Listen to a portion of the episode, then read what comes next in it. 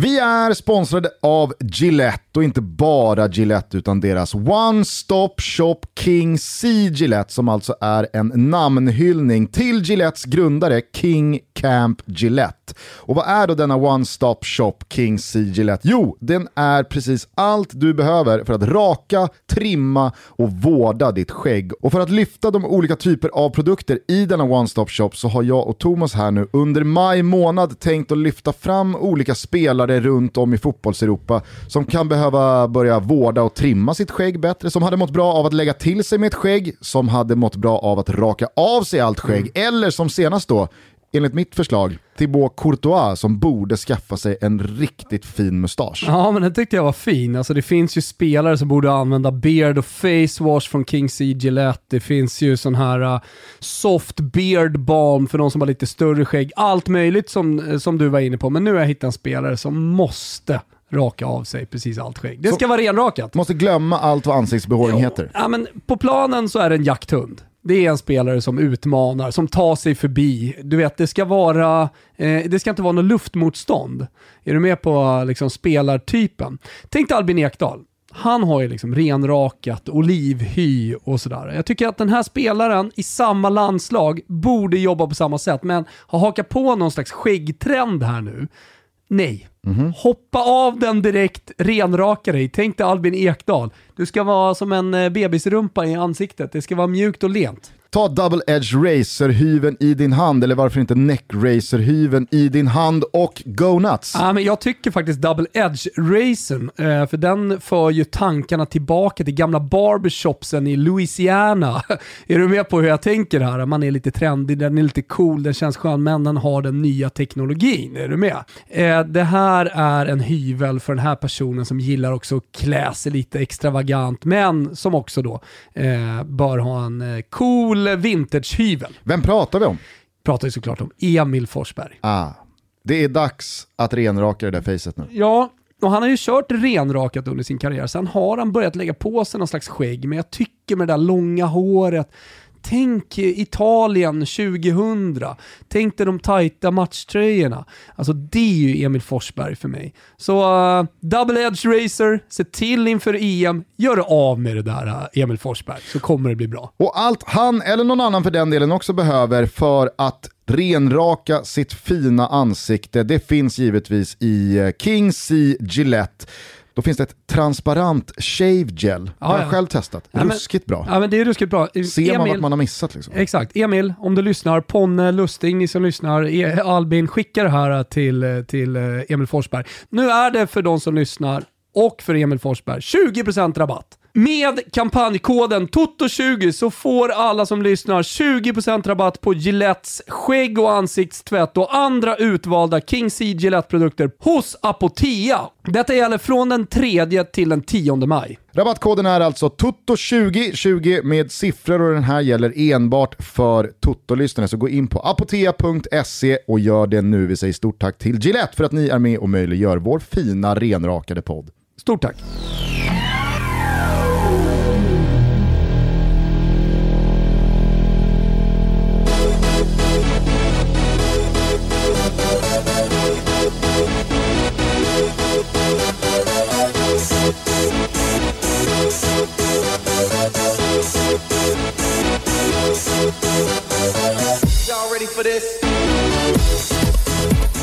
Det är måndag den 3 maj 2021 och för tredje gången säger vi välkommen till Sveriges förbundskapten i fotboll till Toto Balotto, Janne Andersson.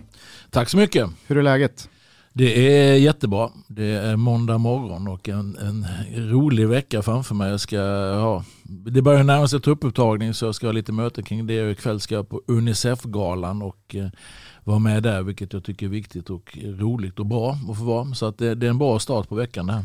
Sist du var här då var det mitten av april 2020, coronapandemin hade lamslagit en hel värld och ingen visste någonting om någonting vad gäller det fotbollsmässiga. Andra tider nu. Ja det är det, men jag säga, vi, vi vet lite mer men det, tyvärr är det en del som hänger kvar när vi pratar kring publik och annat. Att det skulle hålla på så här länge det är ju någonting som man hade väldigt svårt att förutse för ett år sedan. Det är, det är väldigt konstigt. Det är konstiga tider så att ett, ett tråkigt år på det sättet. Ju. För all, på alla sätt. Men det vi i alla fall vet det är att om eh, 15 dagar så tar du ut eh, EM-truppen. Du sa när du klev in i studion, det är bäst att jag tar med ryggsäcken här, där ligger statshemligheterna. Ja, Hur intresserad är man av vad som försiggår i Jannes huvud just nu, Thomas?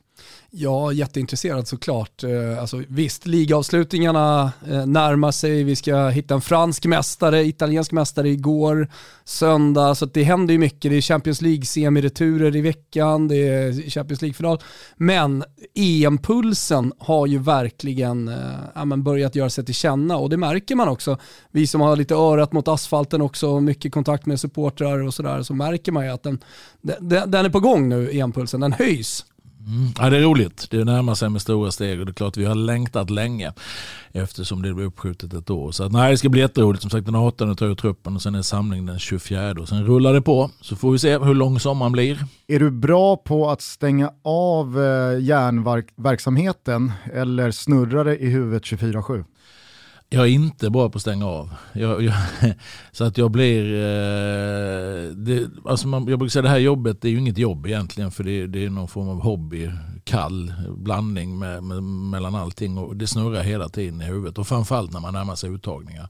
Då är det det är väldigt skönt när den 18 kommer när, när jag väl har bestämt mig och är klar med den delen. Sen kan man liksom jobba med spelarna och förbereda sig. Sen så gäller det att ta ut ett lag och då börjar nästa process. Och någonstans så snurrar det hela tiden. det, som förbundskapten så är det så jäkla många variabler man ska värdera. Det, det liksom, jag brukar säga att det är definitivt ingen fast vetenskap hur man gör det här. Och, och, alla gör det nog på sitt sätt. Så att jag, men hos mig så är det så att det snurrar och det snurrar och det snurrar. När jag behöver bestämma mig, då bestämmer jag mig. Men jag bestämmer mig inte innan. Därför jag vet att det kan tyvärr hända grejer ända fram till när det är dags. Eh, så att jag, jag, men det snurrar runt, så nu snurrar det väldigt kan jag säga. Eh, lite som Folkhälsomyndigheten som jobbar eh, efter olika scenarier. Om det här händer, om det här händer, om det här händer. hur ja. kommer det se ut och hur agerar vi efter det och så vidare. Ja, så är det. Det är väl lite olika varianter. Sen är det ju... Ja, Ännu mer nu också. Ja, Nej men så är det och nu, nu får vi väl se här. Det, det ryktas ju om att det ska, normalt sett är det 23 spelare man tar ut och det ryktas om att det blir några till, kanske så många som 26. Men det får vi se. Eh, jag tycker det är bra om det blir så. Med tanke 26? På, ja, jag tycker det är bra att det blir, om det blir 26 eller 25 eller men att det blir några till med tanke på om man nu skulle få in sjukdom och så vidare. Så, så att jag tycker, sen tycker jag rent generellt att det är bra i alla fall. Jag brukar ta ut någon eller några spelare mer för att ska vi förbereda oss där några veckor så är det väldigt bra att ha fullt antal spelare på träning. En sån sak bara så man slipper ställa Jakob Kakembo Andersson som, som är vår presskille som jag kallar honom. Det ska vi undvika. Han, han, han fick stå som forward i försvarsspelet en gång på träningen. Och han hävdar att han har spelat forward i landslaget, vilket han inte har gjort. Men, men kan man undvika att använda honom och de andra ledarna är det bra. Och därför är det bra, man är några till. Inte minst för det är alltid lite små problem med en trupp. Så. Men eh, han kan inte vara helt dum i det felvända targetspelet. Jo. Det är ett jävla, det är ett jävla skithus som man brukar kalla sådana typer av anfallare. Två meter stor, jag vågar inte väga, fundera på hur mycket han väger. Nej då, men han, han, han, han det, på pappret så ser det bra ut tror jag, men jag, jag är tveksam i verkligheten. Ja. Det vi i alla fall vet idag då, det är att du tar ut truppen den 18 maj. Vi får väl se hur stor den blir. Ni samlas den 24 maj. I eh, början på juni har ni sedan två träningslandskamper mot Finland respektive Armenien. Och sen så blev det klart i dagarna att ni kommer ligga i Göteborg under mästerskapet. Eh, ett mästerskap som eh, till att börja med innehåller tre gruppspelsmatcher. En flyttad från Bilbao till Sevilla och så två gruppspelsmatcher flyttade från Dublin till Sankt Petersburg. Hur ser du på det som nu är fastslaget? Är du positiv eller är du skeptisk? Det är som det är. Jag brukar inte värdera sånt. Alltså det är som det är. Det var bra att vi fick reda på vad vi skulle vara. Tyckte jag var bra. Men, men det är ju speciella tider och det är bara att anpassa sig. Och sen om vi flyger från Göteborg till Sankt Petersburg eller från Dublin till Bilbao. Eller, ja, det är egentligen. Alltså, vi, kommer, vi kommer dit dagen innan vi ska förbereda oss i spärrman.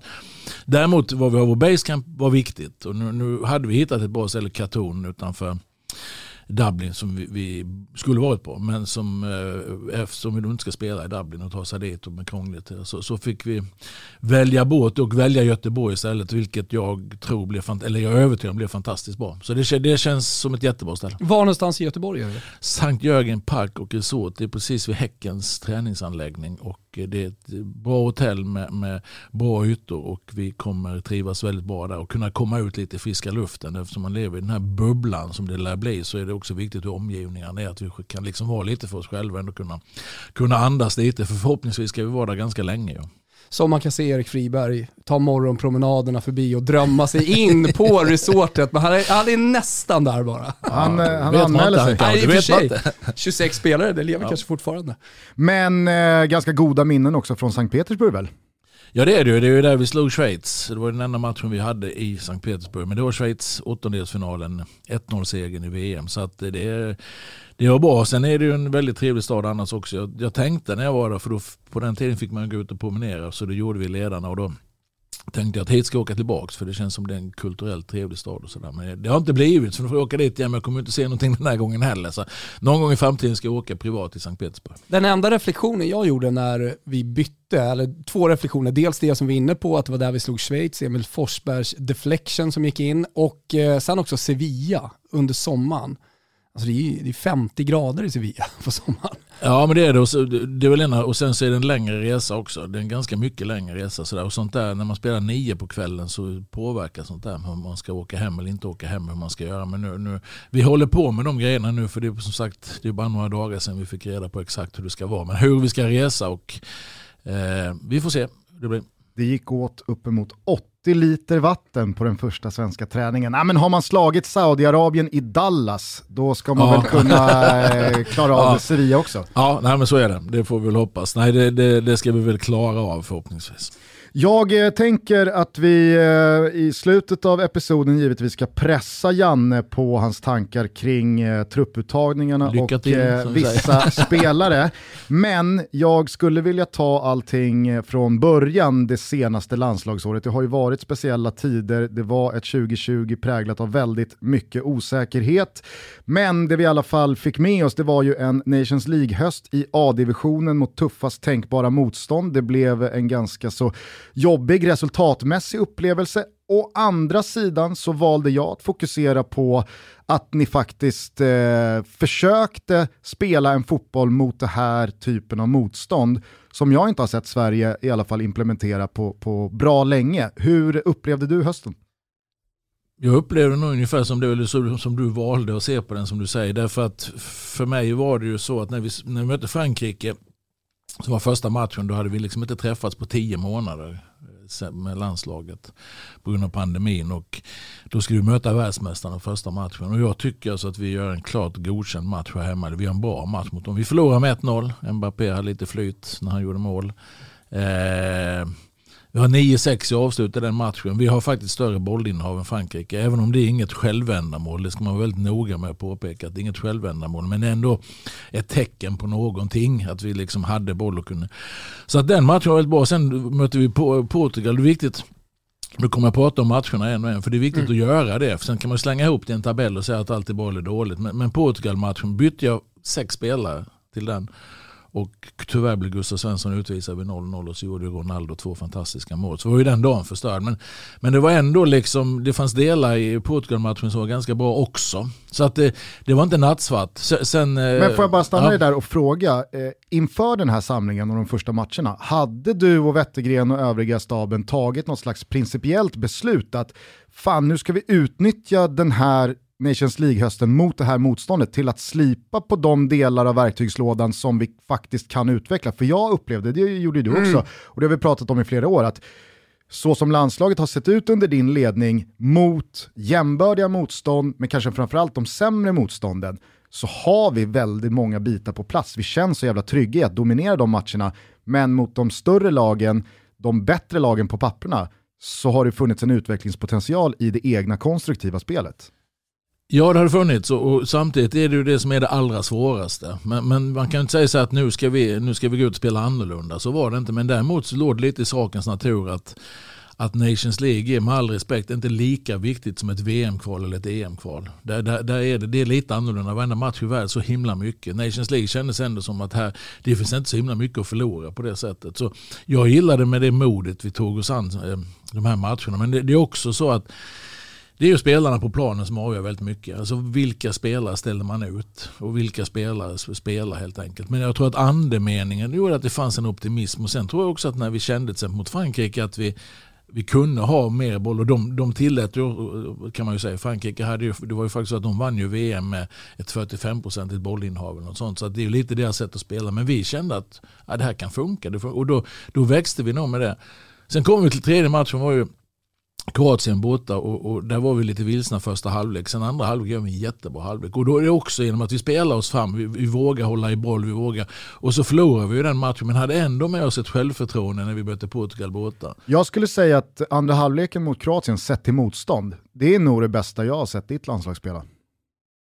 Kan vara så. Jag, jag, skulle nog vilja säga att Mexiko till exempel i, i, VM är väldigt, väldigt bra också utifrån hur, hur många, mål, ja, hur många målchanser. Och några stycken till Frankrike hemma när vi vinner. Sådär. Men Italien hemma tycker jag. Men, men visst, jag håller med. Totalt sett kanske med så mycket boll med tanke på motstånd så, så har vi nog inte spelat på det sättet tidigare. Och det, det stärkte oss också. Så när vi åkte sen till Portugal borta så, så hade vi någon, det var nog så att nu ska vi lira boll här. Och det, det, det blev ju skoningslöst straffade mot Portugal bort. Och det var ganska bra. Det var ganska nyttigt att bli det och inse att det, det går liksom inte. För de, det, jag sa det när jag stod jämte på den matchen. När man liksom, nej, vi tappar boll mitten på deras planhalva. Och när man ser fyra, fem portugiser komma i full fart, det är nästan som man blundar. Så det går så fort så man blir nästan rädd. Och då tycker jag att vi har snabba spelare, atletiska spelare. Så här, det är fruktansvärt vilka omställningar kontinuerligt. de har. Så att, och det var, det var nog kanske, vi lärde oss något av det. Och sen hade vi Kroatien hemma som är en jätteväl genomförd match. Den är nog ännu bättre än Kroatien borta. Men, och sen så, är, eller på den nivån i alla fall. Och så Frankrike, ja, då höll vi inte eh, kanske hela vägen. Men vi är ändå med liksom, med något in på övertid. Så att, totalt sett om man tittar på hösten så lärde vi oss jättemycket. Och framförallt så var det någon som, man fick ju frågan har ni tappat självförtroende. Nej, tvärtom. Jag har faktiskt fått självförtroende av att känna att vi kan gå på de här på lite annat sätt än vad vi har gjort tidigare. Så att jag, jag tycker det var en lärorik höst och sen är ju det utmaningen nu lite det som, som du varit inne på. Det är ju att liksom att för jag, jag, tycker att vi har spelat väldigt bra fotboll mot många nationer som vi ska vara klara bättre än. Alltså det, det, vi, vi, kan prata 8-0 Luxemburg, vi kan prata 4-0 Malta, vi kan prata 4-0 Bulgarien. Så för vi har faktiskt gjort många bra matcher, men mot lag som vi ska vara bättre än. Men det gäller liksom att hitta kombinationen på det och den, att våga spela men att då inte gå bort sig på det. Att hitta liksom balansen i det med de spelarmaterialet vi har idag. Det är en rolig utmaning. Kan vi göra det så ja, då kan vi lyfta ett steg till kanske. Vilket eh, motstånd är du mest imponerad av om du blickar tillbaka? Alltså Portugal eh, borta den matchen, men det var nog att det blev en sån match också. Men det var väl egentligen den som jag tycker var, den var, ah, den var jobbig. Det var den. Den, den blev jobbig. Den blev oerhört jobbig den matchen alltså. Vi är väldigt glada över att vara sponsrade av Circle K. Ja, Circle K Gusten, som jag spenderar tid på Circle K i Rönninge och de fantastiska tjejerna där är en stor del av mitt liv. Jag älskar Circle K, det vet du om. Ofta när jag hör av mig till dig så är jag på Circle K. Jag är där tre gånger om dagen, fyra gånger om dagen, ibland är det tio gånger om dagen. Vad gör du Thomas? Jag är på Circle K. Ja, jag är på Circle K här nu igen. det är drivmedel, det är mat och dryck, det är kaffe, det är biltvätt. Du vet, jag ska med tjejerna till fotbollsträning. Då köper man en banan, lite jordnötter, lite, lite bra dryck som lite sportdryck. Jag tar en liten bar, jag köper eh, tobak. Ja men du vet, de har allt. De har inte bara allt utan de har dessutom en ny innovativ betalningslösning för tankning med registreringsnumret. Precis som man gör med vägtullar och parkeringsgarage. Det enda man behöver göra det är att ladda ner appen Circle K Easy Fuel, skapa ett konto, lägga in betalkort och registreringsnummer. När du sen åker in på Circle K-stationen så läser de av registreringsnumret och öppnar pumpen automatiskt. Man tankar och sen så får man kvittot direkt i appen. Blir det enklare, blir det snabbare? Ja, det, är, det, är, ju revolutionerande detta Gusten. Du vet ju hur lång tid det tar att stå där och knappa in eh, koder och grejer. Detta är revolutionerande och Circle K är först i världen. Det är bara att ladda ner appen och börja blippa. Det här drog igång den 22 april och i slutet på juni så är hela Circle K-kedjan utrustade med den här lösningen. Men i den här Circle K Easy Fuel-appen så ser man vilka stationer som är igång så att man inte hamnar snett. Just det. Blippa bilen! Blippa bilen. Gör det nu, ladda ner appen Circle K Easy Fuel, eh, detta revolutionerande blippa bilen-verktyg. Vi säger stort tack till Circle K för att ni är med och möjliggör Toto Balutto.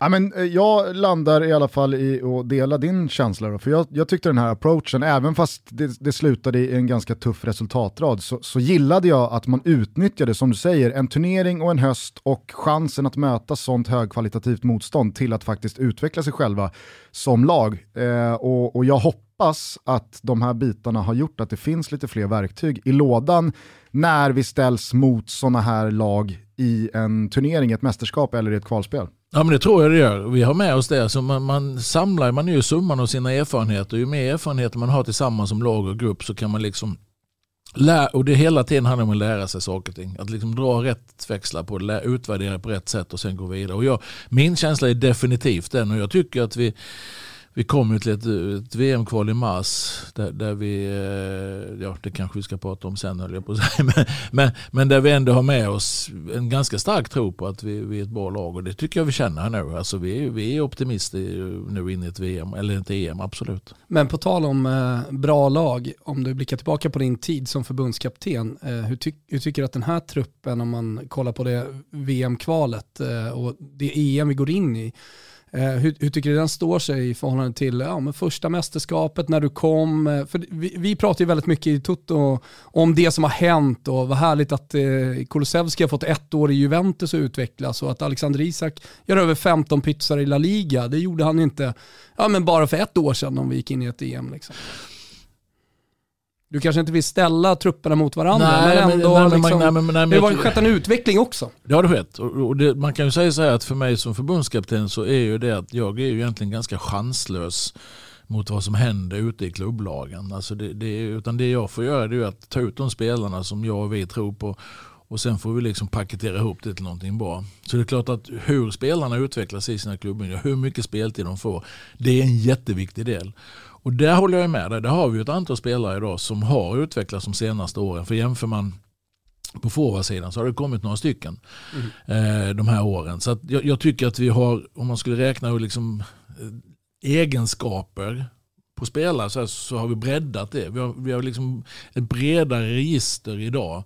Men det måste också bli bättre av det i slutändan. Det är det som är min utmaning ytterst och Peter såklart. Att, att liksom få ihop de här egenskaperna då, så att effekten blir, blir större än innan. Men vi har bredare, vi har mera egenskaper idag. Och vi kan ju titta på Kristoffer Olssons sätt att spela på mittfält till exempel jämfört med andra mittfältare. Inget ont om våra andra men han är liksom en annan typ av spelare som kan bryta linjer på ett annat sätt, bolltryck på ett litet annat sätt som gör att vi kan hålla i boll i lite svårare lägen. Så att, visst är det så att vi har breddat vårt register men, men återigen tappar vi boll 10 meter in på motståndarens planhalva och de kontrar ut oss, då, då, är det inte värt någonting. Så det gäller att hitta balansen i det här. Jag vet inte hur det är med ditt detaljminne men jag skulle vilja räkna hem att jag i april förra året sa till dig att jag väljer att se på det här positivt för jag tror att vi som landslag kommer att utvecklas jävligt mycket av dels de här spelarna på detaljnivå, Kulusevski. Spring, is that you?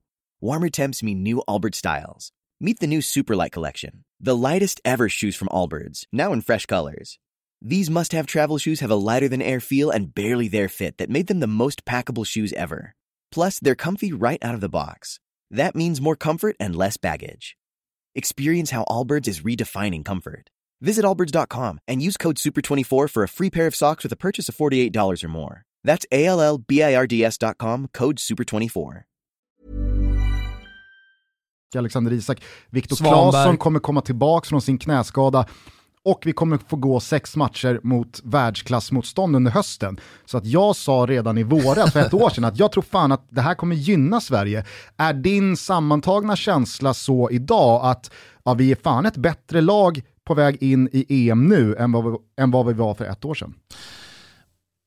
Jag tycker det är svårt att säga. Alltså det, det, det, återigen, det gäller ju att få ihop det här. Liksom. Alltså det, det gäller att få ihop det i slutändan. Det gäller att prestera på planen. Men jag har absolut en bra känsla. Sen, sen tycker jag med hösten, det som var det som var tråkigt, eller det tråkiga med den då, kan man ju säga, bortsett från det här publik och allting sånt, så var det faktiskt att vi inte fick Kroatien bakom oss, för det skulle vi haft. Alltså det, där har vi lite oflyt tycker jag. Eh, hemma, de, de har fått ett jäkla skitmål alltså när, när vi skulle avgjort med 3-0 innan. Så totalt sett så, så, skulle vi varit kvar i den där A-serien och det hade varit jättebra. Så det, det var synd ur, ur det resultatmässiga perspektivet. Men annars, om vi är bättre eller inte, det får, det får visa sig på planen. Men jag, jag, har en bra känsla som jag sa innan. Jag tycker det, det är liksom upp till mig ytterst och Peter såklart att få ihop det här på ett bra sätt.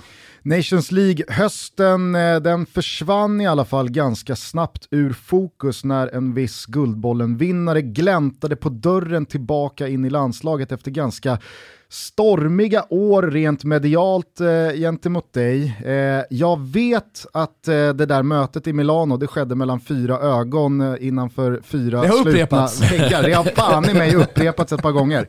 Eh, jag hörde dig dessutom svara Noah Bachner här för eh, någon vecka sedan på frågan om du fick en ursäkt att ja, men det stannar mellan mig och Zlatan och det som skedde på det där mötet. Därför skulle jag vilja fråga dig så här, så får vi se om du kan parera den frågan. När du satte dig på planet ner, ville du ha en ursäkt då? Oj, det är en bra fråga. Eh, Jag kommer inte ihåg. Men, eh, Ja, jag tror nog ändå att du kommer ihåg vad du satte dig med för så, känsla så här är det för mig att eh, när jag hör detta att han är intresserad av Zlatan igen, då är det klart att som jag sagt, då är det mitt jobb att undersöka det. Det, det måste jag göra, jag måste kolla självklart. Och, och eh, när han då är villig att träffa mig och jag är villig att träffa honom, redan där har vi ju tagit ett steg mot varandra, inte från varandra, för då skulle vi inte träffats. Och då ligger det väl i sakens natur, som jag sagt, det ska vara ordning och reda. Jag har ingen prestige, jag trampar inte i gammal skit, men, men det ska vara ordning och reda i processen. Sen vad det med ordning och reda i processen innebär, det får du själv tolka hur du vill då. Men det är klart att vi mötte varandra på vägen. Eh, eh, på, på, och eh, det mynnade ut i att när vi lämnade det där så hade vi slängt väck allting som var bakom oss och tittat framåt. Och sen hur det gick till som sagt, det, det får ni spekulera i. Får ändå känslan av att Janne ville ha en ursäkt. Ja, det också. Men man kan säga så här att man, man, man, eh, om, vi, om vi tar tillbaka de där fyra och ett halvt åren med hela Zlatan-delen så var det ju faktiskt så här att jag ska inte på något sätt förminska det, men väldigt mycket av det som kom, det var ju grejer som var, det var lite småroligt och det var lite trams sådär. Men de riktiga grejerna då är det här uttalandet med killar med invandrarbakgrund och, och sen i samband med dig igen, att inte han spelar. Annars så var det ju rätt så mycket som bara var liksom, så att det här att det var fullt krig mellan oss på något sätt, det var det ju inte. Utan det var ett par, Det var grejer, par grejer som skulle ja, redas ett par ut. grejer som Mm. skulle redas ut för mig som jag känner att det där, det, det var liksom inte, jag tycker inte det var okej. Men, men annars att han höll på att liksom anspela på att han skulle vara med VM och så här, det, det, ja, det, var, det, det är ju som nu när han skriver God is back, ja. Det, alltså, det är ju rätt så roligt. Alltså. Det får man leva med. Ja. Vad säger du om jag säger att jag som supporter till landslaget och någon som stöttar dig som förbundskapten kände att det var viktigt att du ville ha en ursäkt? Alltså jag kände att det är fan viktigt för mig att min förbundskapten stämmer i bäcken här och kräver en ursäkt. Det var många supportrar ändå som liksom sådär hoppas, hoppas att eh, det, det kommer en ursäkt här nu och att det är tydligt. Eh, är du med? Ja, men alltså man kan säga så här att hade det inte varit ordning och reda i processen mellan mig och Zlatan så hade det ju inte lett fram till att vi hade gått vidare. Så kan man säga. Sen, sen vad ordning och reda är, det får ni själva spekulera i. Men förstår du att jag och väldigt många andra ville att du skulle vilja ha en ursäkt? Alltså att det är viktigt för oss att du som ledare Ja, det- det- inte bara tar det där, för visst jag kan ställa upp på att när han ringer på någon klocka och, Ja. och skojar lite med dig i några reklamfilmer, ja men det är väl vad det är. Men som du är inne på, vissa grejer, det var fan tufft, det var över gränsen och det var, det, det, Ja, tror jag väldigt jag många om kände att alltså, det, det, här, det, här är inte, det här är inte bara vad som helst som man kan rycka på axlarna åt. Nej men det gjorde jag inte heller. Jag uttryckte ju väldigt tydligt hur ledsen och besviken jag var när det hände. Och tyckte det var jättetråkigt på alla sätt och vis eftersom det är precis tvärt emot vad jag står för. Sen är det ju, men i, i min personlighet och min integritet i övrigt så tror jag alla kan räkna ut ungefär vad som hände på det mötet i så fall om ni vill spekulera i det. Men att det är ordning och reda i processen, det är för mig det. Det är att det är ordning och reda i Ja, det- processen. Ja, men jag, tycker, jag tycker att det var ett tydligt svar. Ja, men det, är tydligt, ja. det är ett jättetydligt svar. Därför att om, om, och det är väl kul att höra då att, liksom att man, man på något sätt tog mig i försvar. Eller i så fall, för det är så jag tolkar det, att man tycker liksom att man ska inte på det sättet. Men här, om, om jag inte hade varit den personen jag är så hade jag ju inte kunnat gå vidare. Så kan man säga. Jag hade ställt mig bakom dig ifall du hade gått ut och sagt jag ska ha en ursäkt annars är det här inte aktuellt överhuvudtaget. Då hade jag känt fan vad bra Janne. Stå Okej. på dig. Ja, men det, det var roligt att höra. Ja. Men det Eh, blev rätt så bra nu också kanske. Ja men det får man ju Ja. säga. Zlatan Ja. kom tillbaka till starten av VM-kvalet och om vi bara börjar i den eh, misstänker jag uppskruvade uppståndelse som omgärdade det här. Hur upplevde du den? För det måste ha varit en ganska så stor skillnad på med Zlatan och eh, tidigare då utan Zlatan. Både ja och nej. Alltså nu hade vi ju träffats. Vi, vi träff, första gången vi träffades så städade vi bakåt. Andra gången som jag var nere i, i Milano då, då tittar vi ju framåt. Hur, hur har vi det? Hur jobbar vi i landslaget? Och jag har försökt beskriva, tydligast för att beskriva det så är det ju att eh, när jag var manager i Norrköping som jag skulle värva en ny spelare så, så för, berättade jag för honom att så här jobbar vi i IFK. Vi spelar så här, så här har vi det, så här jobbar vi och där äter vi frukost och allt vad vi gör för någonting. Och samma i Halmstad. Jag hade en runda på en och en halv timme i Halmstad som jag körde runt med eventuella nyförvärv. Får man en och en halv timme ensam med man visar Grötviks hamn och Tylösand och sånt där. Men en och en halv timme ensam i bilen med en människa så lär man dels känna dem och dels kan man liksom förklara hur vi gör och så får spelaren får chansen att fråga. Och precis på samma sätt var det med Zlatan nu. Så jag grundade igenom att såklart förklara så här, så här gör vi i landslaget. Därför jag tyckte det var jäkligt viktigt eftersom han har varit med så oerhört länge tidigare. Men nu är det liksom nya tider. Så här funkar det nu. Så för mig var vi ju väldigt långt fram och vi var helt överens om allting fanns inga konstigheter i någonting innan. Sen är det klart när Zlatan kommer, jag tror att en del av de här eh, framförallt yngre spelarna som, som har vuxit upp med honom som, som den stora spelaren han är. Liksom. Det, Haft honom på väggen. Ja, och det är klart att det blir speciellt för dem. Men, men sen efter några dagar så jag tror att det där normaliseras ganska snabbt. Liksom. Alltså att man, man, ja, nu är han ju en i det här gänget. Och, eh, så att jag, jag upplevde inte den här eh, enorma uppståndelsen på det sättet att det skulle vara en enorm. Och för mig är han ju en av de spelarna som är uttagna som ska vara med och bidra. För mig är det inte konstigare än så faktiskt. Och, eh, men jag tror, jag tror som sagt att hade, hade det nu varit öppet med publik, hade allting varit öppet runt omkring på ett annat sätt, då tror jag det varit en större uppståndelse med allting runt omkring. Men pratar vi själva internt i laget och hur vi jobbade, så var det ganska okomplicerat faktiskt. Avslutades eh, en och en halv timmes rundan eh, i och kring Halmstad med lilla promenaden längs Nissa. Ja, det är jättefint. Det är så fint. Så det... Och sen eh, om man tar en joggingtur så kommer man upp på berget, vad är det? Gallberget. Gallberget. Det är också jättefint. Kör man, har kört intervaller. Ja, det är bra. Det är bra grejer. Resonerade du med dig själv kring eventuella farhågor och eh, minor med att ta tillbaka Zlatan eller valde du bara att se på det positiva och eh, vad för gott det kunde komma ur det? Nej men så är det väl med alla spelare som du tar in på olika sätt så, så värderar man alla sidor. Och det är som jag sa, det är ingen fast vetenskap det här. Men för mig är det ju Zlatans kvalitet är ju fantastiska som fotbollsspelare. Och det var väldigt många frågor innan det här. Liksom, hur ska man få honom att passa in i vårt lag och det här. Och för mig är det ett feltänk. Alltså, för att ett lag består av ett antal individer. Ju bättre de individerna är, ju mer drivna de individerna är, men kan underordna sig lagets idé, desto bättre blir det. Och det är ju mitt jobb att se till att de underordnar sig lagets idé, det är ju ingen annan. Och där hade jag inga som helst problem med Zlatan och få honom att förstå hur ska vi spela, hur, hur gör vi i landslaget idag, så här funkar Precis som det har varit för honom när han flyttade till ja, alla klubbar han har varit Exakt. i. Liksom. Han, han har ju kommit ny i nya miljöer och då har han ju fått anpassa sig till den miljön han kommer till. Tror klart. dock att LA Galaxy anpassade sig en del efter Zlatan. så kan det vara, men själva principen tror jag du är med på. Att det är liksom, vi, vi jobbar ju på ett, så här vi är det hos oss och så kommer han in, eller om det är någon annan ny spelare. Jocke Nilsson var ny på senaste, han kom också in som ny spelare till hur vi har det. Jag har försökt förklara det. Jesper Karlsson var ny. Ja. De, de, de, tre var nya och det är klart att de kom in till någonting de inte varit i innan. Då ska man ju anpassa sig till det. Och ibland så blir det Ibland blir saker och ting lite större än vad de är på det sättet kan jag tycka. Sen är ju Zlatan unik, alltså med den lyskraften han har och den bakgrunden. Så är det ju. Sen, en unik idrottsman. Jag menar, killen fyller 40 i höst liksom och kan prestera det han gör. Nu, nu är det bara förhoppning att han är hel och frisk. Och sen är det väl klart ändå att det är skillnad på att Zlatan kommer tillbaka efter alla år i landslaget som du är inne på, att han har spelat med väldigt många av spelarna, att han var en del av det tidigare landslaget på ett annat sätt än någon annan som har kommit tillbaka under din tid som förbundskapten. Alltså, på så sätt så tycker jag att det, det, det är väl kanske inte samma skrot och korn Zlatan Ibrahimovic och Jocke Nilsson. men det måste ha varit, eh, det måste ha varit eh, laddat på ett sätt som du inte har upplevt tidigare som förbundskapten, att just en sån spelare kommer tillbaka in i gruppen, in i träning, in i laget.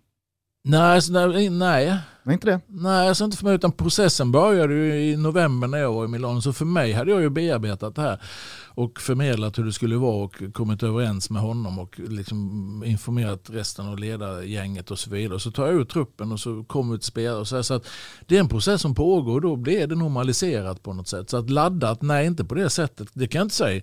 Sen är det klart spännande att se honom i träning, alltså få jobba med en spelare i träningsmiljön av den kalibern. För det har jag inte gjort innan. Det var ju fascinerande. Det var jag lite spänd på. Och se hur det skulle se ut på träningen utifrån hur skicklig han är som spelare. Hur var Men det inte då? utifrån massa, nej, det, han är ju bra alltså.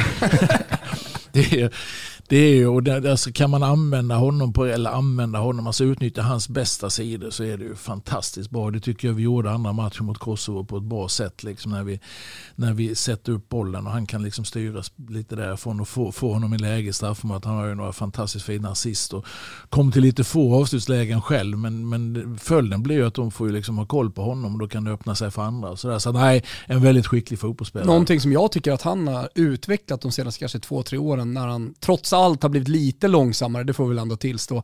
Eh, om man jämför med liksom Inter-Zlatan som var en jakthund som också kunde utmana. Men, men det är hans otroliga targetspel. Alltså sådär, man det är Kakembo-nivå. Ja. Det är Kakembo-nivå på den. Nej, men, såhär, jag har alltid varit fascinerad av just den felvända nummer nio-spelaren. Jag har alltid på något sätt eh, personligen liksom, eh, gillat den typen, Lucatoni, eh, och stora, stora spelare eh, Eh, och som också är bra i boxen givetvis, men just det här felvända spelet. Kosovo nämnde du. Det, det, såg ut som att han nästan mötte barn och jag ser ju det där i Serie A varje vecka när han spelar. Eh, alltså, det är, svår, det, det, är nästan omöjligt för, för eh, mittbacken att vinna matchen i matchen mot honom. De kan vinna någon duell kanske, men, men överlag. Och jag menar, det är en ny, eh, ny nivå då kanske, eller ett, ett nytt vapen kanske man ska säga, för landslaget att ha den typen av targetspelare. Ja men det är det. Och, och, han är precis det du beskriver. Jag gillar ju det här också. Alltså för att målen står ju, som Wettergren brukar säga på sin östgötska, målen står ju på kortsidan av planen. Jag säger kortsidan på halländska. Men det är ju där mål, man ska ju dit. Alltså att hundra passningar för att ta sig dit ibland om det räcker med att sätta upp en boll och få fast den och sen kan du komma till ett avslutsläge. Så vi vill ju hitta en mix, en blandning i vårt sätt att spela. Men det är klart att ta fram boll och sätta upp den mot Zlatan så vet jag att chansen är väldigt stor att den blir kvar där någonstans. Det, och där är han ju ett monster i det spelet. Han är så stark. Och sen tycker jag också att han har, det han har utvecklat, inte minst nu i Milan sen han kom tillbaka jämfört med tidigare som du var inne lite på. Det är att han håller, jag vill ju ha honom högt upp i banan som den uppspelspunkten. Eh, tidigare upplevde jag det att när han var mer, absolut mer mobil, yngre, det är inte så konstigt om han var det för tio år sedan, att han rörde sig ner planen och skulle ha boll på fötter. Så här, mm. Men nu alltså, är han up front och vi kan använda honom där på ett bra sätt så är det en jättedimension mm. för oss till. Jag tycker vi har haft bra taget spelare innan, både Ola Toivonen ja, och Mackan Berg och de här. Men det här är ju, det är ju en nivå till, det är ju inget ja. snack liksom. Under eh, Zlatans eh, sista år i landslaget då, innan han gjorde comeback nyss så upplevde jag att, och det tror jag ganska många eh, delar, eh, att man eh, försökte göra Zlatan så bra som möjligt men att det kanske gick ut över övriga nio utespelare. Hur har du resonerat kring den där balansen? Hur mycket får det kosta av övriga lag för att Zlatan ska optimeras? Då var ju då, så att hur det var då det bryr jag mig inte om. Men, jag säger bara hur jag upplevde det. Ja, jag menar det. Men för mig, jag, jag, jag och jag säger bara vad jag tycker. Det är att jag, då var då för mig, så det är ganska ointressant. Men däremot så, så finns det alltid en risk om du har en spelare som är så väldigt tongivande i i sin eh, exteriör som han är att man, oj, vi söker honom. Så att, visst är det så att det, får, det måste bli en blandning i det här, det var jag lite inne på innan. Det måste bli en blandning i vårt sätt. Men kan vi variera vårt spel med att spela via mittfält och, och via kanter och så vidare men också använda honom lite tidigare. Spela av på forward som vi säger. Sätt forwards i spel, det är mina och Wettergrens grundbudskap till spelarna som, som vi tappade lite i höstas faktiskt under Nations League. Det blev lite för pilligt ibland. Lite mer direkt mot forward. Ska man hitta den blandningen i spelet så, så är det det allra bästa. Så att, Ja, vi får inte hamna att nu är Zlatan, nu ska vi bara söka honom. För då blir det inte bra. Utan mixen är intressant. Alltså, mixen är intressant. Och det, jag, jag, vi sökte oss fram lite de här två matcherna. Georgien-matchen sökte vi mycket och mot Kosovo sökte vi lite mindre. Då såg det bättre ut. Så att jag ser en uppsida i det här att hitta. Men det är jätteviktigt det du är inne på. Vi måste hitta en balans i det. En mix i det. För det var ju det Albin var inne på i sitt sommarprat också. Att så upplevde han det som spelare också. Att man kanske gav lite för mycket ansvar och lite för mycket mm. plats åt Zlatan och att det gick ut över övriga spelare och att det sammantaget som lag gjorde Sverige mindre slagkraftiga än vad man faktiskt hade kunnat vara. Och jag, jag, jag fattar hur svår den där balansgången måste vara när man har en spelare av Zlatans snitt och av Zlatans kaliber som man vet, alla vet, kan göra det om han bara får utrymme och möjligheter till det. Men att det inte får gå ut över för mycket övriga spelet. Ja, nej, jag håller med dig. Din, din iakttagelse, ditt resonemang håller jag med om helt och hållet. Så det gäller att hitta en balans i det. Så det här, återigen, liksom, hur, hur, kan vi använda hans egenskap på bästa sätt tillsammans med övriga spelares egenskaper på bästa sätt. Och det, det är då det kan bli så bra som möjligt. Vi är sponsrade av Rocker, ett fintechbolag med målsättningen att bli en ledande utmanare till storbankerna genom att erbjuda smartare, enklare och mer flexibla finansiella tjänster. Med över 120 000 befintliga användare släpper Rocker nu nästa generations app för finansiella tjänster, Gusten. Precis, och de gör det för att de vet att ekonomi kan vara rörigt. Med allt samlat på ett ställe blir det således betydligt enklare. Betala, spara, splitta gemensamma köp, samla kvitton, håll koll på dina köpvanor och få insikter om din ekonomi i en enda app. Rocker utmanar storbankerna med enklare och smartare finansiella tjänster. Så gör nu så här att ni laddar ner Rocker-appen idag. Vi går i god för att den kommer göra ditt liv och din ekonomi väldigt mycket enklare. Tack för betalt samarbete Rocker. Eh, vi kan lägga den där eh, tredje och avslutande träningslandskampen mot Estland lite till handlingarna i det här snacket. Det blev två skarpa VM-kvalsegrar mot i tur och ordning Georgien och Kosovo. Hur upplevde du de här två matcherna så här med en dryg månads distans? Som att vi var ganska, ganska trygga där ute på planen. Och det är klart att vi, vi gör ingen kanonmatch mot Georgien, men de är ganska svårspelade. Och... Tyckte man fick nytt perspektiv på Georgien också efter ja. deras match mot Spanien. Då kände man fan det kanske inte var så dumt. kanske inte var så tokigt. Nej, och det är ju Spanien tappade mot Grekland och var nära tappade mot Georgien. Det visar liksom att fotbollsvärlden den, är, den har jämnats ut som jag brukar tjata om då. Det går inte att ta några matcher för givet. Och vi har ju faktiskt inte, jag brukar säga trampat snett någon gång ännu eh, mot den här typen av motstånd som, som man tycker vi ska slå. Men det ska göras på planen, det ska göras på ett bra sätt där. Så att jag, jag upplever ändå som att vi var eh, ingen jättebra match på något sätt mot Georgien och Kribba fick göra en, en, bra räddning där. Men totalt sett ändå tycker jag att vi var liksom tillräckligt bra i den matchen. Men lite sökande, vilket inte är konstigt. Zlatan in ny, vi hade inte träffats på fyra månader. Så andra matchen så växte vi ett litet steg från det mot Kosovo. Och sen precis som du säger, vi kan lägga Estlandsmatchen till handlingar. Men det är rätt skönt att gå ifrån en samling med tre segrar och noll insläppta. Totalt sett. Det tror jag stärker hela truppen. För det var många som fick spela mot Estland som inte fick spela de andra matcherna. Så vi, får, vi kommer ifrån den här samlingen på ett jättebra sätt. Sen är Nordfeldt också en del av eh, vårt lag. Vi är elva spelare på planen. Så att han gör så den där räddningen så är det ju, ja, Ja men så är det lite och då, man kan väl säga att vi kunde gjort något mål till. Och så, här. så att visst, nej, men det, det var roligt för Kribba och det var roligt för att han fick stå. Nu var det på Robins bekostnad den här gången utifrån eh, skadan. Men att Kribba fick visa att, att han är en viktig prestation kan jag tycka. Ja. Absolut. Jag eh, pratade med en av dina bärande spelare efter Jorgen-insatsen och då sa han att men jag tror inte heller man får glömma bort att även på den här nivån så kan det ibland smyga sig in en omedveten känsla av att herregud, vi, vi kommer från en höst där vi har spelat i, i perioder jämt med några av de bästa landslagen i världen. Nu är det Jorgen på hemmaplan och vi har eh, helt andra typer av spelare på varenda position. Det här kommer nog ge sig lite av sig självt och sen så kommer man ut och så möter man ett lag som tuggar och gnetar och springer och stånkar och gör livet surt för dem. Och att det är jävligt svårt att trycka på en strömbrytare och ställa om. Att man kommer liksom inte ur den rytmen och man kommer inte ur den känslan. Det har man ju sett hur många gånger som helst när ett på pappret överlägset motstånd hamnar snett in i en match och så går det inte att kliva ur den. Nej, och det, det är ju fotbollens underbara eh, psykologi och oförutsägbarhet du pratar om nu som gör att det kan bli så. Så får man spela om matchen dagen efter så kanske man vinner med fem bollar. Så jag säger inte att vi hade gjort det i det här fallet, men många gånger man har sett det innan. Men just att bryta det här mönstret när du är inne i matchen. Men jag, jag tycker att vi Alltså det är väl en av de grejerna, Georgien-matchen är väl det lilla undantaget då, men annars så har vi ju faktiskt slått de här nationerna relativt klart. Absolut, jag pratar om den här matchen ja, enskilt. Ja, precis, och, därför jag känner, och det är kanske därför också man känner sig väldigt trygg att vi kommer göra det igen. Så det, det, det kan vara en liten lärdom det också för oss framöver, att inte hamna i, man, man får liksom inte man får inte hamna i ett läge där man bara leder med ett mål och man ska vara klart bättre än motståndaren. För det kan alltid hända någonting, utan då ska man ha marginal i så fall. För jag upplevde att Georgien-insatsen fungerade lite som tändvätska och påminnelse till Kosovo-matchen att vi kan inte hålla på och gå på 90-92% utan Nej. vi går ut och kör 100% här. Jag eh, håller med dig. Mm. Jag håller med dig. Plus att vi fick en match till med Zlatan som ny spelare. Man får inte glömma det att, för precis som du sa, som vi var inne på innan, att är han med så blir det kanske lätt att det blir lite undersökande spel. Det blir lite liksom, okej okay, hur, hur, ska vi använda honom nu? Vi hade haft en träning försvarsspel, en anfallsspel på oss och så ska vi ut och spela. Och med en så, så dominant, eller dominerande spelartyp som han är, hur ska vi då göra det?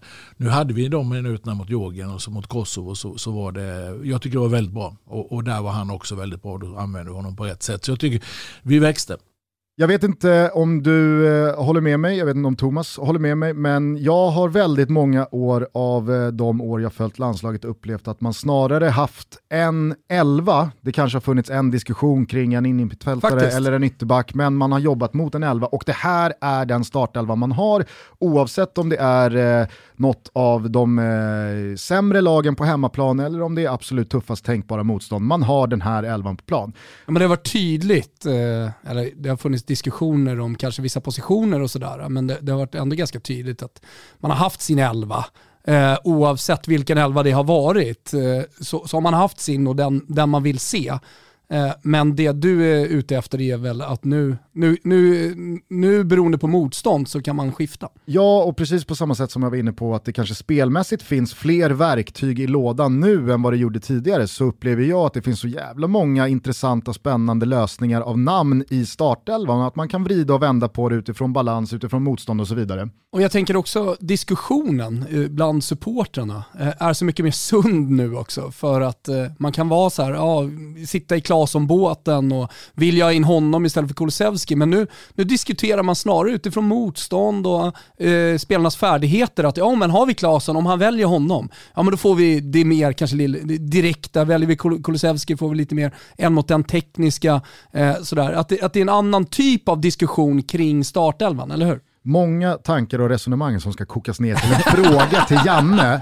Eh, om vi börjar bara med, kan du själv tillstå att urvalet av spelarna i, i, idag har förändrats gentemot eh, om vi backar bandet några år. Ja, men det håller jag med om. Lite det jag var inne på innan. Egenskaperna är fler och man kan...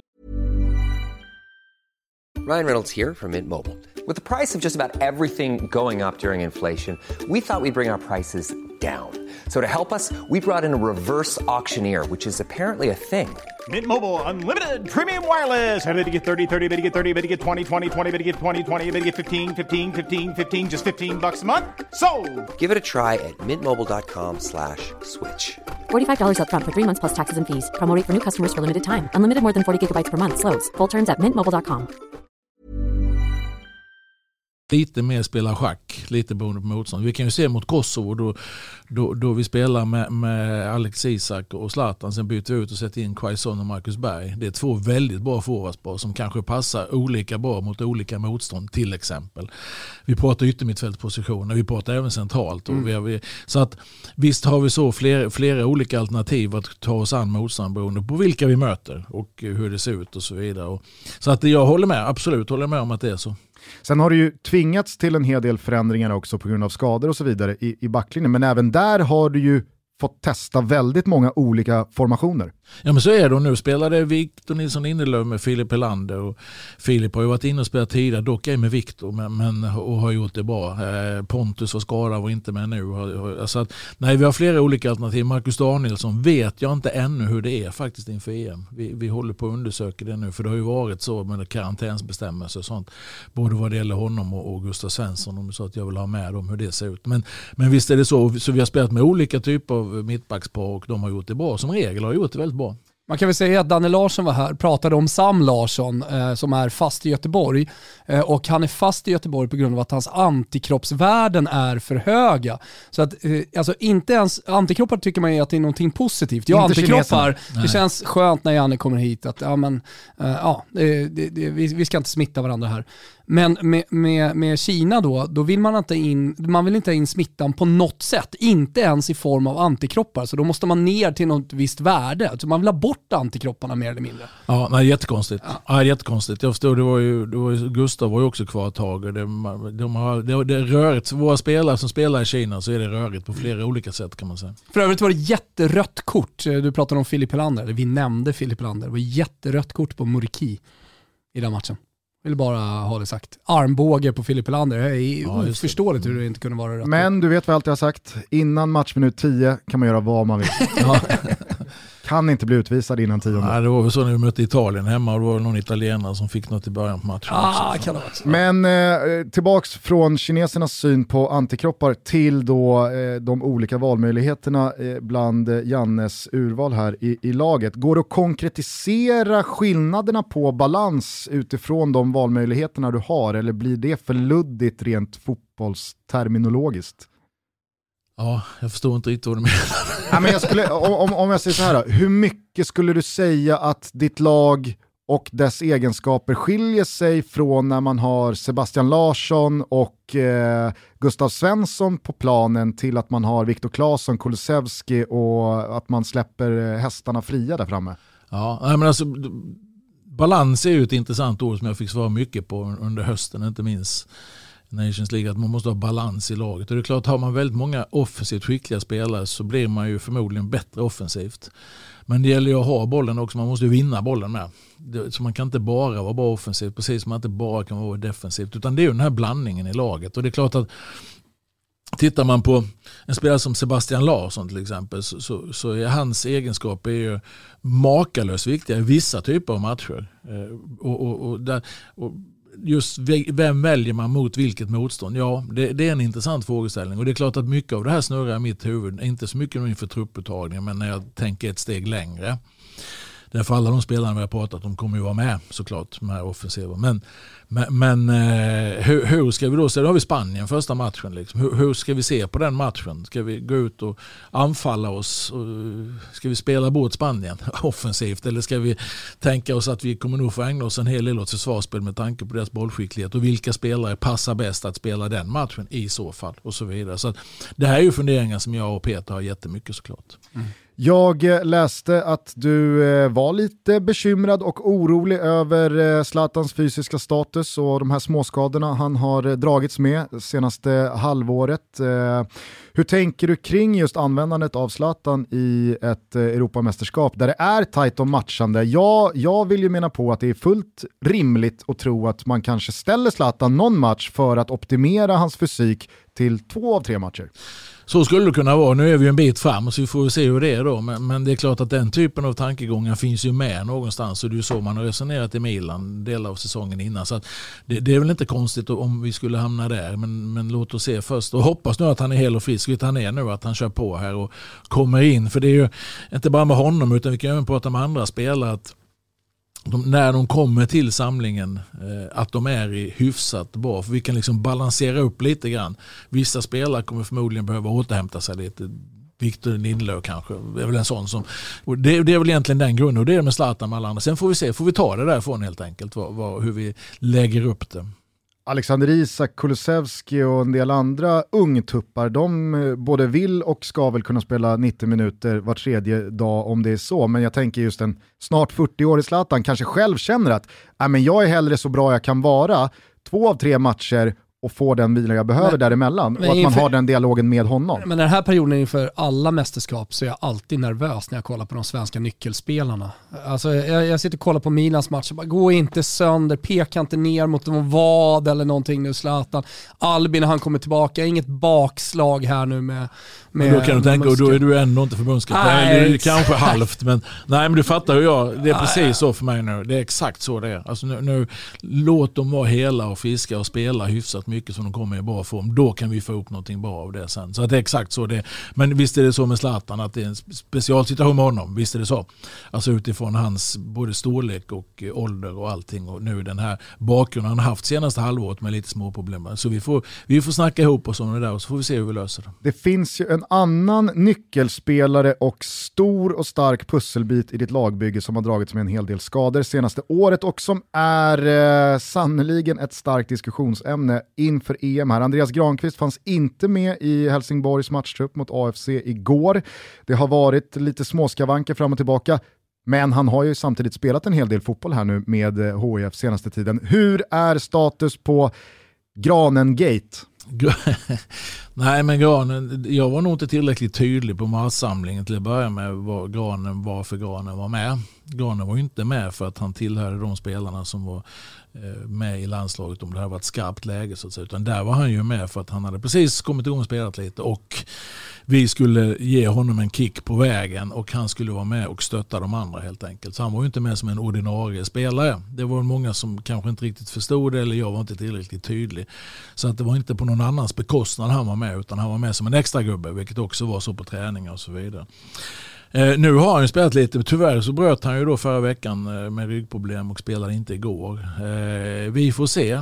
Vi får se helt enkelt vad som händer framöver. Också lite hur många vi blir, eller hur många du tillåts ta kan, ut. kan vara en sån grej också. Så att jag, jag, jag vill inte egentligen ta den diskussionen nu för den hänger väldigt, väldigt mycket i luften just nu. Den är svår att reda ut just idag. Utan du får se den 18 hur det ser ut. Det luktar sarg ut här nu på den fråga jag ska ställa. Men jag vill ju mena på att vissa spelare i vissa lag, det är spelare som antingen är med och då så är, det, är man med för att spela dem, eller så är det bättre, inom citationstecken, att inte ta med dem. Och det här brukar ju då vara hierarkiskt eh, stora spelare, lagkaptener och så vidare. I Granens fall så känner jag också så att om Granen är fit for fight så är han väl med för att spela. Annars eh, så kanske man eh, landar i att det är bättre att inte ta med honom alls. Hur resonerar du där? Sarg ut. Sarg ut. Nej, men det, det här är ju den Du förstår typen, vad jag tänker? Absolut. Nej, men det här är ju den typen av resonemang som, som jag får föra nu. Vi får se, men grunden är ju hans fysiska status och så får vi ta det därifrån. Men om jag, om jag ska ta generella resonemang kring det, om vi liksom, jag på säga skit i, men det ska man inte säga, utan bortse från granen. Utan vi bara säger rent generellt. Så det intressanta tycker jag med den här trupputtagningen som alltid är det. om- Låt oss säga att jag nu får ta ut 26 spelare. Ja. Så, så tror jag att om vi tre skulle skriva ner de 15, 16, 17, 18 som vi tycker liksom ska vara med så skriver vi samma namn. Alltså det är inget konstigt. Sen kan det bli några på slutet där. Kanske. Erik Friberg, Ja, Larsson. Ja, alltså, det kan bli några An- Ante G i Halmstad exempel. kanske jag tar med då på slutet för jag gillar honom. Så. Men, men, men, eh, och de spelarna som man, liksom, som det blir diskussion, det är ju de som ändå inte kommer spela som regel. För de, de, de är väldigt långt ifrån att spela om du är uttagen som gubbe 23, 24, 25, 26. Och där blir det jättemycket diskussioner. Och det har jag full respekt för, för det är för jag har själv suttit och analyserat sönder trupper tidigare i mitt liv när jag inte var förbundskapten. Men de gubbarna kanske, är det vikt, de kanske är bland de viktigaste i den här truppen. Att det är killar som varje dag liksom bidrar med energi, som hela tiden pushar och stöttar de som spelar och klarar av att vara truppspelare på det sättet. För det är klart att jag kommer inte använda 26 spelare eller 23 ens. I ett, eh, gör jag det i ett slutspel då har jag misslyckats. Nej, men- Därför, så att, och det, därför är det, och då kan man säga om vi skiter i Gran utan rent generellt så kan det ju vara så att det är en spelare som man egentligen tycker att han är ju bättre, den andra är ju lite bättre men han vet ju liksom att han kommer funka 100% i det här. Ja då kanske jag tar en, den, den som är bättre kanske inte kommer med. För han kommer ändå inte spela mot den som är lite sämre men han kommer med för han är en annan typ av eh, gubbe som finns med i truppen. Och så. så det är många sådana här grejer som du får väga in och framförallt i ett mästerskap. VM var vi ihop 48 dagar. Det, det gäller liksom att det måste, du kan inte ha massa solpupper där som springer omkring utan här, här gäller det att vi liksom pushar varandra och ställer upp på varandra under hela resan. Så att det är lite skillnad mot att ta en- ut en mästerskapstrupp mot att ta ut en vanlig trupp. För en vanlig trupp då är det 8-9 dagar. Men här är det så pass lång tid. Så här gäller det verkligen att ha folk som man vet om på olika sätt kan pusha och stötta och bidra. Så då låter det som att även fast Granen inte skulle vara i eh, 90 minuters skick så kan han komma med i truppen. Han kan bidra. Hela det här resonemanget så handlar det inte om granen. Nej, nej, Utan det men var ett generellt resonemang. du fattar vad jag menar med att Nej, men, eh, om jag, Andreas om jag nu översätter det till just Granen, även om det var ett generellt eh, resonemang, så är det ju att han har egenskaper eh, som eh, är viktiga och som, att han kan komma in i en trupp och bidra som gubbe nummer 25.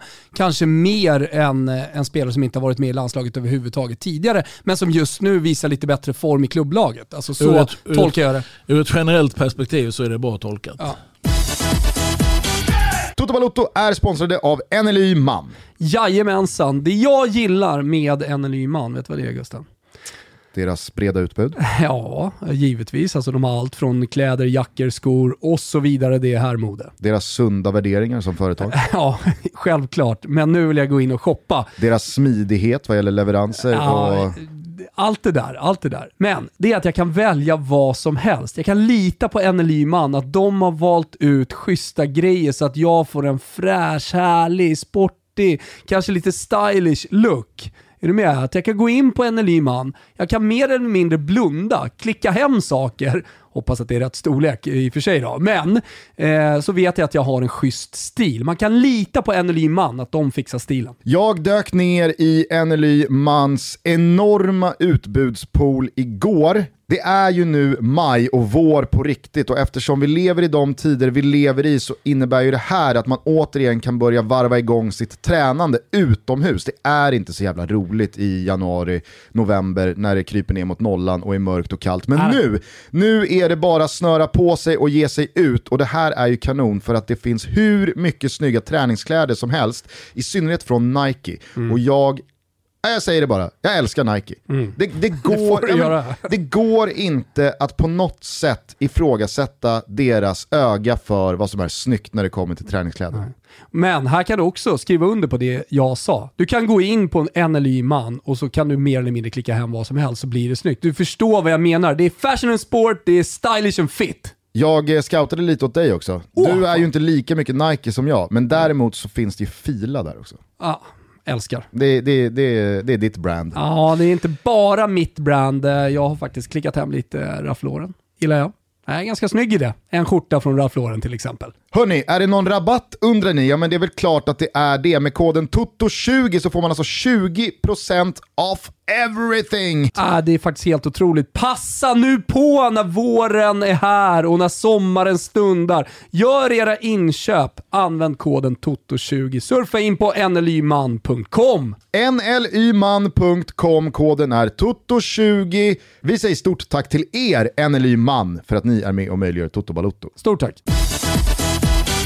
Om vi ska försöka få ur Janne någonting då kring eh, trupputtagningen så kan vi väl då börja i änden igen av att eh, du vet inte om det kommer vara 23, 24, 25 eller 26 man som tas ut. Nej, jag vet inte det idag, men jag tror att det kommer vara 25-26. Det är väl de signalerna som har kommit på något sätt, men det finns inga beslut tagna. Men jag hoppas, hoppas det faktiskt, för det hade varit bra.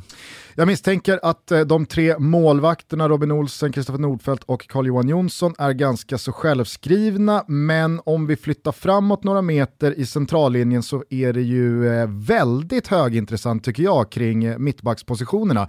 I och med då att det har varit en hel del skador, inte bara på Andreas Granqvist.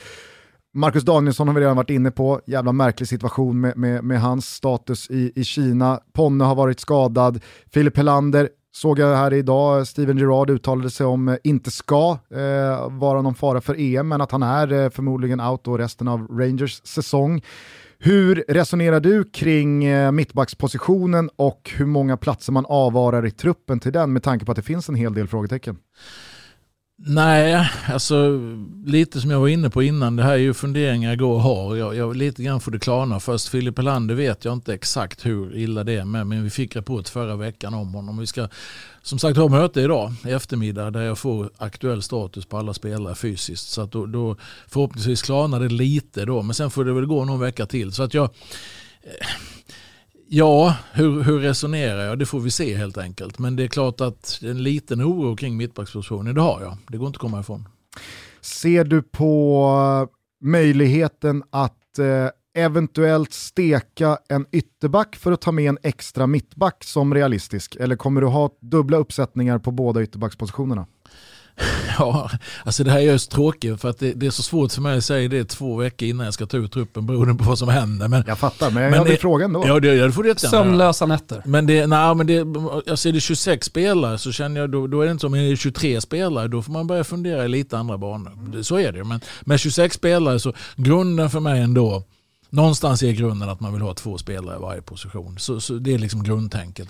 Jag känner att jag vill börja driva tesen att Vigge är bättre högerback än mittback. Ja, men jag driver ju tesen att Han var ju otroligt bra när han kom fram i landslaget som högerback. Han var jättebra. Han, han har ju varit... Ganska bra som mittback också. Han är ganska bra som mittback. Men, nej, men han har ju liksom, om vi pratade, vi pratade innan om, det gjorde vi inte, för vi pratade inte om Englands matcher, men Micke Lustig var ju sig mot England och, och då spelade ju Emil Kraft i kvartsfinalen VM. Men det är klart att där var ju Vigge ett alternativ som högerback. Då när man inte hade, när vi bara hade två spelare i varje position. Den stolta italienska övningen som man brukade köra eh, back in the day så kanske fortfarande, alltså det har ju varit de senaste tio åren en ska inte säga en trend, men ytterbackarna har ju blivit mer wings och de har blivit löpstarkare än eh, om, om, om man backar bandet till 90-talet och 80-talet. Eh, men, men i Italien, då kör man övningen att sätta ut en mittback på ytterbackspositionen. Eh, det, det, vet du ju Gusten. Absolut. Och den, det, det, är jag, förutom att jag älskar felvända, stora, starka targetspelare längst fram, så älskar jag ju den övningen att man sätter ut en mittback på, på ytterback. En ytterbacksposition, det är viktigt. Jag driver i alla fall tesen och jag ser det inte som omöjligt att om det nu... Lustig är ju lite så. Ja, absolut. Mm. Men om det nu skulle bli så att Janne bara får ta ut 23 man, då ser jag inte det som omöjligt att det kanske är Emil Kraft som får stå åt sidan för att Janne vill ha med en extra mittback och att det då finns alternativ i både Sebastian Larsson och eh, Lindelöf ifall Lustig skulle krisa. Ah, det är det du är inne på ja. Mm. Så, kan, så kan man då liksom få med sig en extra mittback. Men det är bara min eh, teori. Eh, på det centrala mittfältet så eh, är det ju ganska många som nog är ganska så säkra på att både Albin Ekdal och eh, Kristoffer Olsson är självskrivna så länge fysiken är med dem. Hur ser du på Sebastian Larsson rent positionsmässigt? Går han som centralfält eller går han som en ytterfältare eller spelar inte det någon roll? Nej, det spelar ingen större roll faktiskt. Han kan, han kan spela bägge delarna och gör det dessutom bra bägge delarna. Vi har ju några stycken till som kan spela lite olika, alltså Emil Forsberg kan ju spela forward sig och spela kantar och vi har Klasen som nog kan spela både centralt och till vänster och höger. Så, där. så mittfält och framåt, Dejan kan spela forward och kan spela yttermittfält. Han har fått spela överallt i Ja, ungefär. Va? Så där, där, där, känner jag inte att det är lika statiskt. Så att säga. Men en backlinje där man, vill man nog ha mer ordning och reda. Så att säga. Sebastian Jens... Larsson var ju en av de spelarna som man ryckte till lite igår när han fick gå ut. Ja, tyckte inte om det när jag Nej, såg jag det. Förstår faktiskt. det. Och han är ju en maskin den gode Sebban, men de rapporter man fick, det man förstod, så, så ska det väl inte vara så avancerat. Förhoppningsvis. Men, men det, är en, alltså det är en makalös kille till att ha energi och vi pratar om ålder sådär. Nu är han ju några år yngre än Zlatan, men just att liksom vara så Springer driven, lite mer Zlatan också. Ja, och så driven i det han gör hela tiden. Det är oerhört imponerande. Alltså, och, ja, Mattias Svanberg har ju en jättefin säsong bakom sig i Bologna. Jens Kajust har ju kommit från eh, ingenstans tror jag på mångas fotbollshorisonter sedan i höstas eh, och eh, gjort en fin match mot Estland. Jag tycker ju dessutom att Gustav Svensson har varit så pass frekvent i ditt landslag i så lång tid här nu. Att, Sveriges bästa spelare i det felvända försvarsspelet. Ja. Mm. Konstaterade vi förra året. Ja just det, det känner jag igen. Mm. Hur många av de här eh, finns det plats för i en trupp? Nej, det får vi se och det, styr, det styrs ju lite grann av antalet också. Men det, nej men, och sen får man också det här är också intressanta diskussioner. Man kan säga till exempel Jens Kajust som, som kom in eh, relativt, eller inte okänd, men kanske ny för många i alla fall. Och kom in och har gjort det bra. Eh, eh och gjorde det bra hos oss. En intressant spelare som kanske är en sån där som, ska inte ta ut laget nu, men han, det kan inte givet att han spelar så mycket i ett EM, men han kan vara med för, kanske lära för framtiden. Han kanske får spela varje match, det vet jag inte. Men, men om man sitter rimligt på det. Så jämför till exempel med Gustav Svensson då som har varit med och, haft en förmåga att komma in i matcher och stänga matcher. Jag tänker Rumänien hemma, eh, han kom in i Italien borta, han har kommit in några stycken matcher till. Som Gustav kanske i utgångsläget kanske inte är en startspelare ett land, men det är kanske en rollspelare som kan komma in i ett visst läge och göra en viss grej. Och det är de här grejerna jag får liksom ställa mot vartannat beroende på hur många platser jag har och hur mycket jag ska ha i varje position. och kommer längre fram. Nu gick jag in lite i detalj bara för att tillgodose din nyfikenhet lite grann kring hur jag resonerar. Men det är ett sånt ganska tydligt exempel exempel. Du kan också ta andra spelare som kanske är spelare som kan spela i flera positioner. De kanske har en liten fördel mot spelare som bara kan spela exakt en position. Jag ska inte nämna några namn men ur en trupp, ett truppperspektiv. Så att det, det, är många variabler som sagt man ska värdera i de här resonemangen.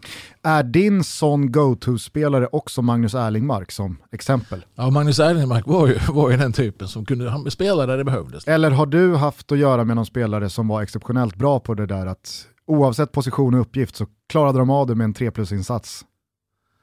Ah, kan nog inte, inte, inte så jäkla allround, det har jag nog inte haft. Men jag tror att, att Ante G i HBK idag han skulle kunna spela överallt och göra det bra. Jag, jag, jag tänkte på det. Och fan att Janne tröstade alltid igen. Va?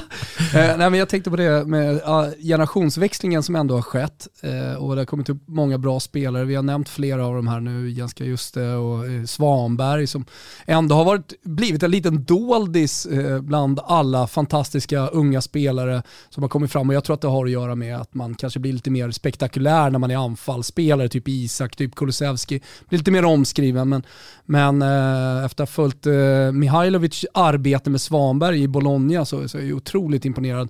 Vilken karaktär han har blivit också. I, i helgen så tog han ett gult kort på, på Frank Ribéry som var liksom så här, ja men det osade karaktär och, och, och att han verkligen har kommit in i seniorfotbollen på ett sätt som man inte såg för ett år sedan till exempel, eller i början på den här säsongen. Och han har tagit sig an den, upp, eh, den uppgiften. Det jag skulle komma till är, om man kollar på de yngre spelarna som kommer upp nu, om du jämför under din tränarkarriär sådär, eh, ser, ser du någon skillnad på, den, alltså på typen av spelare som kommer, eh, att vi kan kanske vara lite mer bollförande, har svensk fotboll utvecklats tycker du?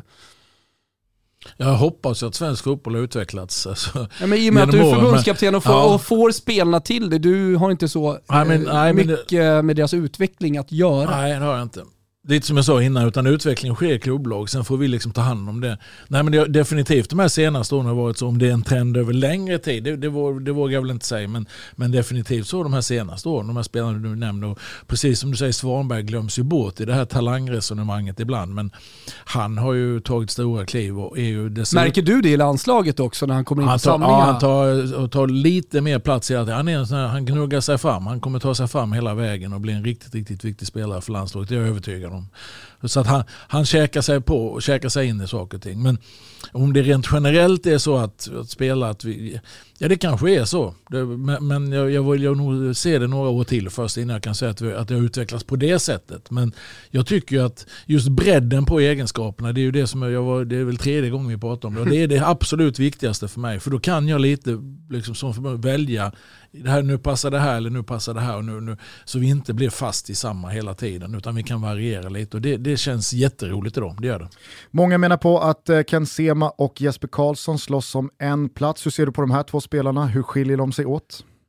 Jesper Karlsson är ju synnerligen irrationell och spännande utifrån det perspektivet och därför han fick vara med nu i, i, i mars. Kenny Ken är ju mer stabil spelare etablerat sig på en ganska hög nivå idag. Eh, så att jag skulle inte säga att de är liknande spelare på det sättet. Ken är ju mer tryck på det sättet, mer rakt fram och eh, bra tillslag och bra fysik medan Jesper är mer då den här irrationella. Sen får vi se om, om någon konkurrerar om samma plats eller inte, det får vi väl se. Är det fram. mer troligt att en av dem kommer med i truppen än att båda gör det? Det får vi se. Eh, på anfallssidan då så finns det ju också fler anfallare än vad det finns platser i truppen misstänker jag. Om vi börjar bara i VM-kvaltruppen så var Jordan Larsson inte med trots tre matcher på ganska kort tid och att han gör en fin säsong i Ryssland och Moskva. Hur eh, tänkte du när du inte tog ut eh, Jordan Larsson senast? ganska enkelt egentligen. Jag bedömde att de fyra jag tog ut var bättre. Det, det, alltså det är inte mer komplicerat än så många gånger. Utan jag, jag bedömer att eh, Zlatan, eh, Mackan Berg, eh, Alex Isak och Robin Quaison är bättre forwards, eller var i mars vid den uttagningen. Dessutom då ska man ju säga att Eh, vilket jag varit inne på innan. Viktor Claesson kan spela forward. Dejan Kulusevski kan spela forward. Emil Forsberg kan spela forward. Så forwardspositionen är riktigt tuff konkurrens. Alltså. Det är jättetuff konkurrens. Det jag tyckte stack ut med det, det var ju att det hade ju varit så lätt för dig att ta ut Jordan Larsson också, i och med att det är tre matcher på kort tid, eh, någon kanske skadar sig, någon, eh, någon försvinner av någon annan anledning. Och så slipper man då stormen, eller vad vi ska säga, i vattenglaset om att Jordan Larsson inte är med trots att han gör en fin sång i, i Ryssland. Men du väljer ändå att, nej, inte, inte den här gången. Nej, inte den här gången. Och, och jag, jag, jag funderar nog inte så mycket kring att storma i vattenglas eller inte. Utan jag får gå på min övertygelse. Och vid den här uttagningen tycker jag att de fyra är bättre. Sen har Jordan gjort en jättebra säsong. Och det är roligt att följa honom och fortsätta följa honom. Så får vi se hur det ser ut vid nästa uttagning. Så det, det, det är inte så att jag har någonting emot Jordan Larsson på något sätt. Utan, om man nu skulle tro det. Utan han har gjort det bra, Jordan. Men som sagt den här gången och utifrån helheten i truppen så tycker jag det fanns, fanns alternativ som var bättre den här gången. Eh, Eh, Ja, men jag, jag, tycker, jag tycker att re- reflektionen jag gör och gjorde efter det, det är ju att det är helt fantastiskt att Sverige får fram så mycket spelare, kanske dit jag ville komma också när jag ställde frågan kring ungdomsfotbollen. Och, och någon slags, eh, ute efter någon slags cred till eh, Billborn och Charlie Lidholm och Jonas Tern och alla som utvecklar eh, spelare. Att vi liksom, det, det, det är ofta en diskussion, varför får vi inte fram lika många världsspelare som eh, länder som är i liknande storlek, typ Portugal, Kroatien, Belgien eh, och så vidare. Eh, jag tycker att vi har tagit kliv där och de här, de här ungdomstränarna som jag tycker också har drivit det, som är delvis de jag nämnde, fan gör ett jävla bra jobb och att det är på gång att hända någonting. Eh, och att vi då står 2021 i mars när du ska ta ut en trupp, har en dunderlirare som vi alla är överens om, eh, som du säger också Janne, i Jordan Larsson. Och som dessutom har etablerat sig också i seniorspelet, men som inte får plats. Det är ju bara ett jättebetyg till svensk fotboll tänker jag. Så är det ju för Frankrike och, och Italien och stornationerna hela tiden. Ja, Spelare generellt, alltså generellt som jag brukar tjata om, det är väl jättebra att ju fler bra spelare att välja på desto bättre är det. Och det är väl det, det du säger. Sen tycker jag precis som du säger att generellt sett, du nämnde några tränare, jag, jag tycker att vi har många duktiga tränare i Sverige. Jag tycker vi har en bra verksamhet rent generellt och det kommer fram spelare. Sen om vi ska jämföra oss med de allra största utifrån helheten och alla förutsättningar. Så här, det finns ju folk i Sverige som tyvärr spelar hockey istället för fotboll när de växer upp, vilket är jättetråkigt. Men det gör de inte så mycket i Belgien. Så Sluta- sluta spela hockey. Börja är spela fotboll istället, det är mycket bättre. Nej men det är ju urval och antal spelare och allting sånt där. Så det är så många variabler så det, det, man, det är svårt att bara jämföra rätt över. Men, men mitt grund, alltså ditt grundresonemang köper jag. Sen nu hade jag liksom, det är inte mot Jordan personligen, så att, men, men själva företeelsen är väl intressant. Och det, det, kan vi få fram fler spelare så är bara jag glad.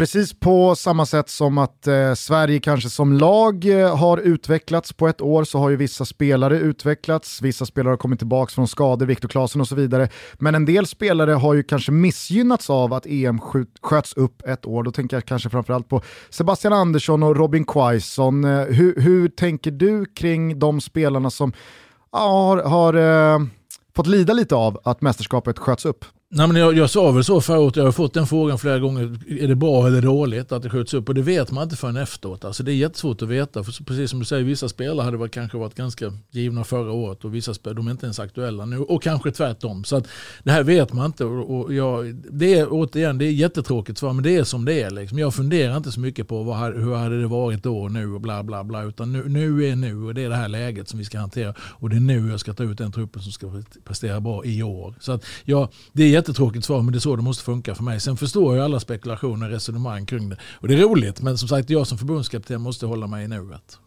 Men kan du lida med de spelarna eller är det helt enkelt så elitfotbollsverksamheten fungerar och det är bara att hacka i sig? Ja, det är nog bara så, tyvärr. Det är ingenting man kan göra så mycket åt. Sen kan jag ju tycka liksom att visst, jag, jag lider generellt med spelare, om vi nu pratar Sebastian Andersson som har haft de här skadeproblematiken och som det vill liksom inte ge sig. Skadade fotbollsspelare lider jag alltid med. Det, det är det tråkigaste som finns att hålla på med. Och jag vet när, när Jakob Johansson drog korsbandet när vi, när vi eh, slog ut Italien. Jag ska inte säga att det är Lars Odin på stämningen, men visst, det gjorde ont i en. Även en sån kväll när Jakob kom tillbaks tillsammans med Dale Reese som har varit iväg på sjukhus och så när vi, när vi firar på natten så, så är det ändå så att alla känner att fy fasen vad tråkigt. Alltså det, det är så jäkla tråkigt. Så att skadade spelare rent generellt det är, det är ett gissel och det är någonting man, man eh, jag har mått dåligt många gånger över det kan jag säga.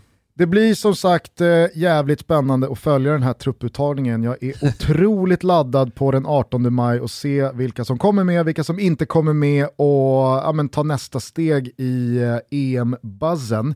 Eh, jag har några konkreta frågor bara, lite, lite ja eller nej och raka svarfrågor eh, kring den sportsliga verksamheten här. Om ni hade fått straff mot Georgien, vem hade tagit den? Det hade, nu ska jag bara se så han spelade, Sebastian Larsson. Han slog ju den mot Kosovo. Han var första straffskytt. Han är första straffskytt om Ja. han är på banan. Ja, alltså straffskytten, det, det, det kan vi lägga, vi står inte i ja och nej utan vi tar det lite. Okej. Ja. Härligt. För det har ju varit diskussioner kring straffskytt i landslaget. Så var det ju.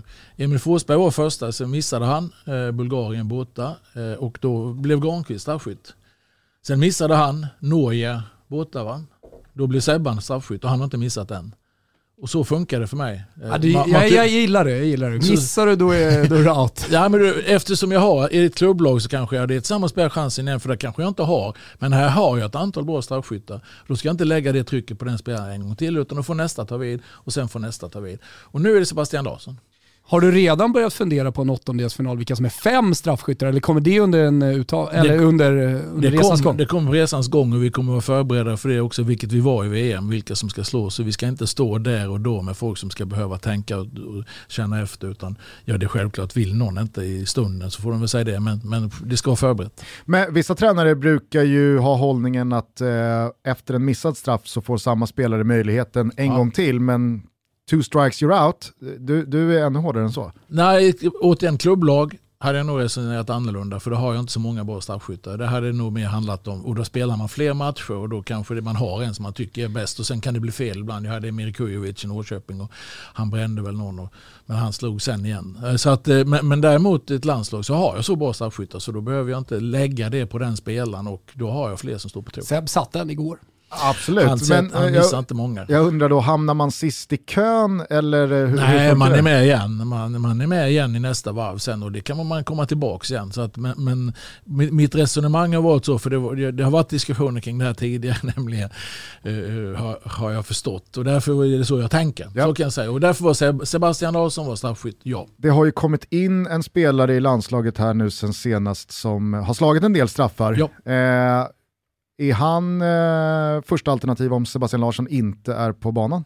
Oj, det beror på vilka fler som är på banan. Så det, det, det tar vi då. Han missade också en del straffar här under säsongen och har ju lämnat över till Frankie C som slår tra- straffarna i det. tiden. Så att, eh, men, men Sebastian är första straffskytt. Jag är nyfiken på då Zlatan, Marcus Berg, Robin Quaison och Alexander Isak. Av dessa fyra, finns det någon kombination som du inte ser som speciellt trolig att spela med varandra och finns det vissa som passar bättre med varandra och, och, och inte? Vi såg ju väldigt mycket Zlatan och Alexander Isak här i VM-kvalet senast. Mm. Bra fråga. Jag eh, ser ingen kombination som skulle vara liksom inte möjlig att använda. Så kan man säga. Sen är det ju olika egenskaper. Det kan bero på motstånd, det kan bero på förutsättningar och sådär. Men jag tror att alla skulle kunna spela med varandra. Och eh, tittar vi, Alex Isak Quaison har spelat tillsammans. Mackan och Quaison och Alex har spelat. Nu var det Zlatan och innan har ju Zlatan spelat med Marcus Berg och det har funkat. Så jag tror att vilken konstellation vi än ställer på banan så skulle den fungera bra. Det, det är fyra bra forwards. Fyra bra forwards. Spanien, Slovakien och Polen i gruppen. Det finns en köksväg i form av fyra bästa treor som dessutom går vidare till slutspelet. Har ni diskuterat målsättning? Nej, alltså jag är inte mycket för att diskutera målsättningar. Jag tror inte på att diskutera målsättningar på det sättet. Utan är man med i någonting så vill man ju gå vidare. Alltså för mig är det väldigt enkelt. Alltså vi vill vinna nästa match. Det vill alla göra. Eh, det är inte krångligare än så. Det är, då ska vi förbereda oss på att försöka vinna nästa match. Lyfter man blicken lite som jag brukar säga, går vi in i ett VM-kval, ja då vill vi gå till VM. Alltså, och nu går vi in, nu är vi med i en grupp här, då vill vi gå vidare från gruppen. Och det är liksom det målet vi har, och det behöver vi inte hålla på och sitta en halv dag och diskutera, utan det är ganska självklart. Och skulle vi sen gå vidare från gruppen, ja då, då är målet att vinna nästa match. Alltså, krångligare än så behöver det inte vara. Det finns ju väldigt många skillnader på det Europamästerskap som stundar med det världsmästerskap ni firade så stora framgångar i senast. Inte minst då med tanke på coronapandemin och allt vad den kommer innebära. Men finns det någonting som ni gjorde under VM senast som ni har lärt lärt er att ni inte ska göra igen? Nej, alltså inte så konkret. Det, det vi gjorde som var en av de där högtidsstunderna, eller högtidsstunderna, men en sån där fascinerande stund för mig som ledare, det var ju att dagen efter vi hade åkt ut mot England, på natten flög vi hem till Galencik och sen så blev det några pilsner och sådär. Sen på förmiddagen så, så träffades vi ju i samma konferensrum som vi hade suttit i våra landslagspyjamasar då i någon månad. Och, och sitter i civila kläder och ska åka hem. Då gjorde vi en utvärdering av VM, både med ledartruppen och spelartruppen. Och det för mig de fick var fem och fem och så fick de ett stort blädderblock och en tuschpenna och så satte de sig på knä och så skrev de ner de grejerna de Fan vad svenskt det ändå känns. Ja, det, är inte många andra landslag jag tror, som inte, gör så. jag tror inte det är någon som gör det om Nej. man ska vara ärlig. Och svenskt, det vet inte tusan om det är det, men jag tycker man ska göra så. Diskutera i smågrupper är väl bland det svenskaste Ja men det är det, men jag tror inte, jag tror inte det är så skit, vi struntar i det svenska eller inte. Men jag konstaterar bara att för mig var det ett stort ögonblick därför att jag kände att vi ska lära, jag sa till spelarna, vi ska alltid fler mästerskap tillsammans, då ska vi lära oss någonting.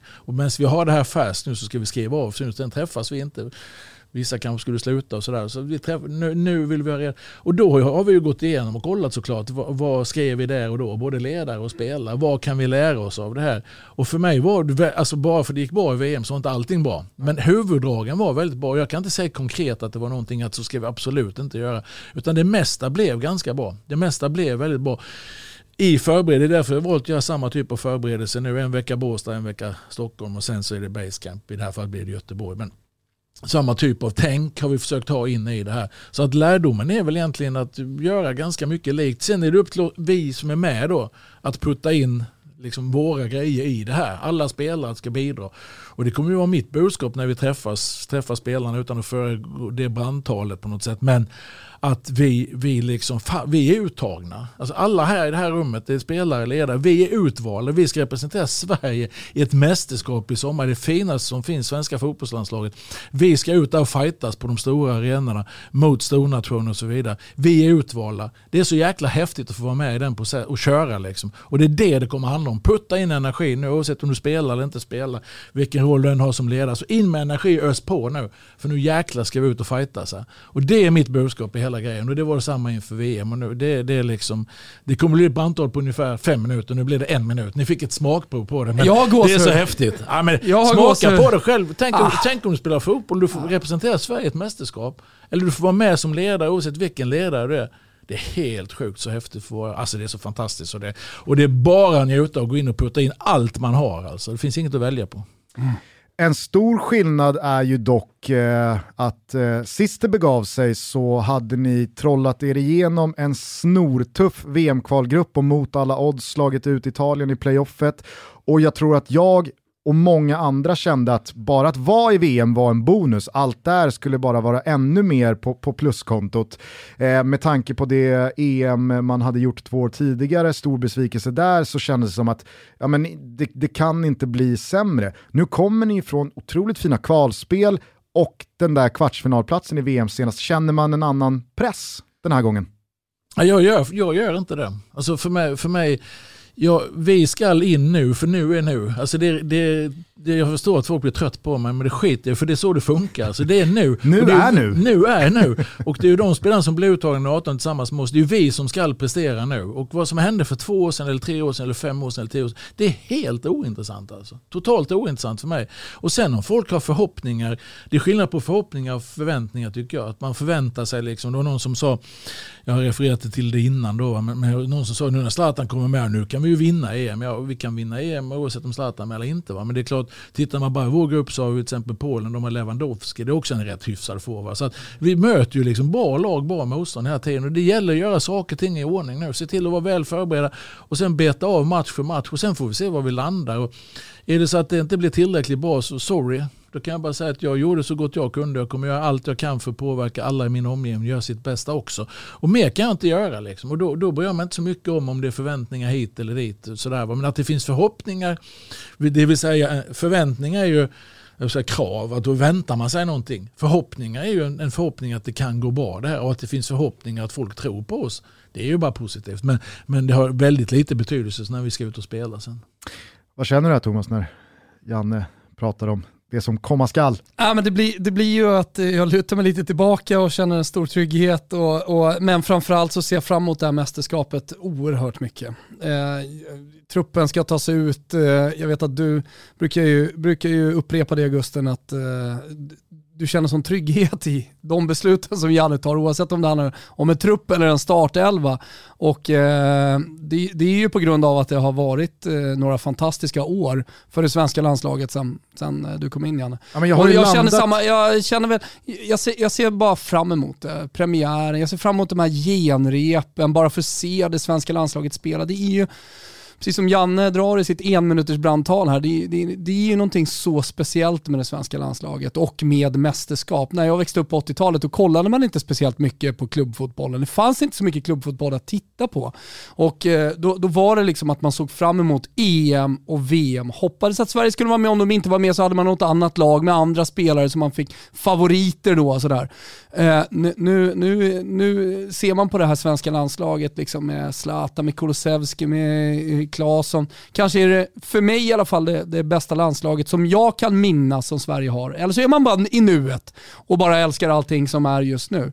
Men, men jag känner ju verkligen den här EM-pulsen och eh, ja, förhoppningarna om att det ska gå bra. Nervositeten börjar till och med smyga mig på. När, när du pratar om Lewandowski, du bara nämner hans namn sådär. Uff, hur fan ska det gå då? Och, och, nej, jag, jag, vet inte. Jag, jag, känner bara, jag känner bara att jag ser fram emot det här mästerskapet så otroligt, otroligt mycket. Jag vill bara fylla i det Thomas var inne på där, att jag har landat i att alla de fina resultat som ni har gjort och som du har lotsat oss till har gjort att jag har landat i att ja, men jag ska sluta bry mig om vem jag tycker ska tas ut och vem jag tycker ska starta.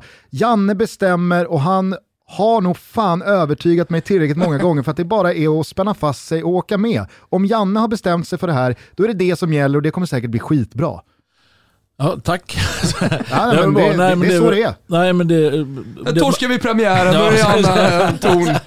Nej, men det här är ju färskvara såklart. Men, men det, det jag känner framförallt, utöver det här hur roligt det ska bli själv, så märker jag det du beskriver. Alltså intresset. Är nog, alltså, jag, nu kommer jag inte ihåg för det är lätt att glömma, men inför VM, jag upplever inte att intresset var lika stort som nu. Det finns något uppdämt behov. Dels mm. för att det blir uppskjutet då, dels för den här jäkla pandemin som har fördärvat så mycket på olika sätt. Och, så tror jag, jag hade sådana mediadagar för för förra veckan där vi samlade ihop media några dagar Eh, för att jag ska bli av med det på, på en gång. Så här, ja, men det, det är så jag hade 21 intervjuer på två dagar. Och sen dagen innan hade jag någon tv-inspelning och så hade jag någon fotografering. Så det var alltså hela, hela den veckan gick åt till att bara sitta och prata om, om, om eh, liksom landslaget. Så vilket är fantastiskt roligt att göra eftersom det är mitt jobb och det, jag, jag, tycker det är så jäkla kul.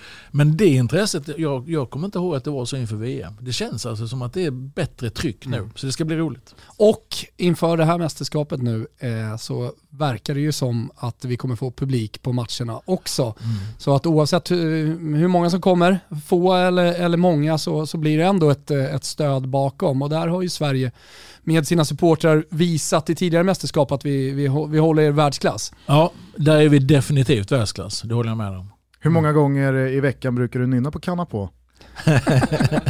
vem är det, som, vem, vem, är, det som, eh, som är supporten i omklädningsrummet annars? Kanske är blandat? Nej, nej inte så. Nej, men Ponne är ju, alltså, han, han skickar vi ju fram i VM några gånger där till, till klacken med kanna på. Det han tycker det är roligt. Så ja. han, han, är nog den mest, den mest lik en supporter skulle jag tro han är. Vi Gust, hoppas, Gustav, du håller ju på att fnula på en ny ramsa inför mästerskapet. Jag gav ju dig en liten ja. trudelutt som du skulle... Den, den snickras på. Ah, okay. för fulla ja, Jag tänkte om du hade den klar.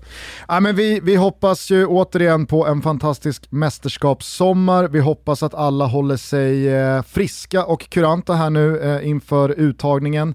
Vi eh, hoppas att förberedelserna bara blir så bra som möjligt och eh, vi önskar dig och resten av landslaget stort jävla lycka till här. Gör oss stolta! Ja, jag eh, lovar att vi kommer göra allt vi kan. Mer kan man inte lova, men så är det och vi kommer ta med tusan satsa allt vi har. Vill du avsluta även denna episod med jag och min far eller med Magnus Uggla? Tredje gången ja. gilt. Ja men det kan vi göra för jag tycker den är så bra så man kan höra på den. Är fortfarande kan... lika bra. Ja den är lika bra. Och sen är jag väldigt stolt för den här gången har jag in... jag kommer ihåg att jag inte skulle prata om när jag inte bytte ut Viktor Claesson på San Siro. För du kommer ihåg att jag har gjort två gånger när jag varit här. Så jag kommer, det ska jag inte prata om idag. Så det har jag klarat av. Ja, men då kommer jag och min far här med Magnus Uggla. Återigen då, vi lyfter på hatten, önskar lycka till igen och säger stort tack till Janne Andersson för att du kommer gästa i Toto Balotto. Tack själva. Stort tack. tack. Ciao Tutti. Där borta vid pilen har jag lagt min far. En anonym urna är allt som finns kvar av den som förstod mig när jag var till besvär. Trots all den kärlek fanns, jag är där. Jag önskar jag stannat, jag skulle blivit kvar den sista stunden, det borde varit jag och min far. Han lärde mig växter och dess namn på latin. Om fideikommiss och om bourgeoisin. Men följde mig gärna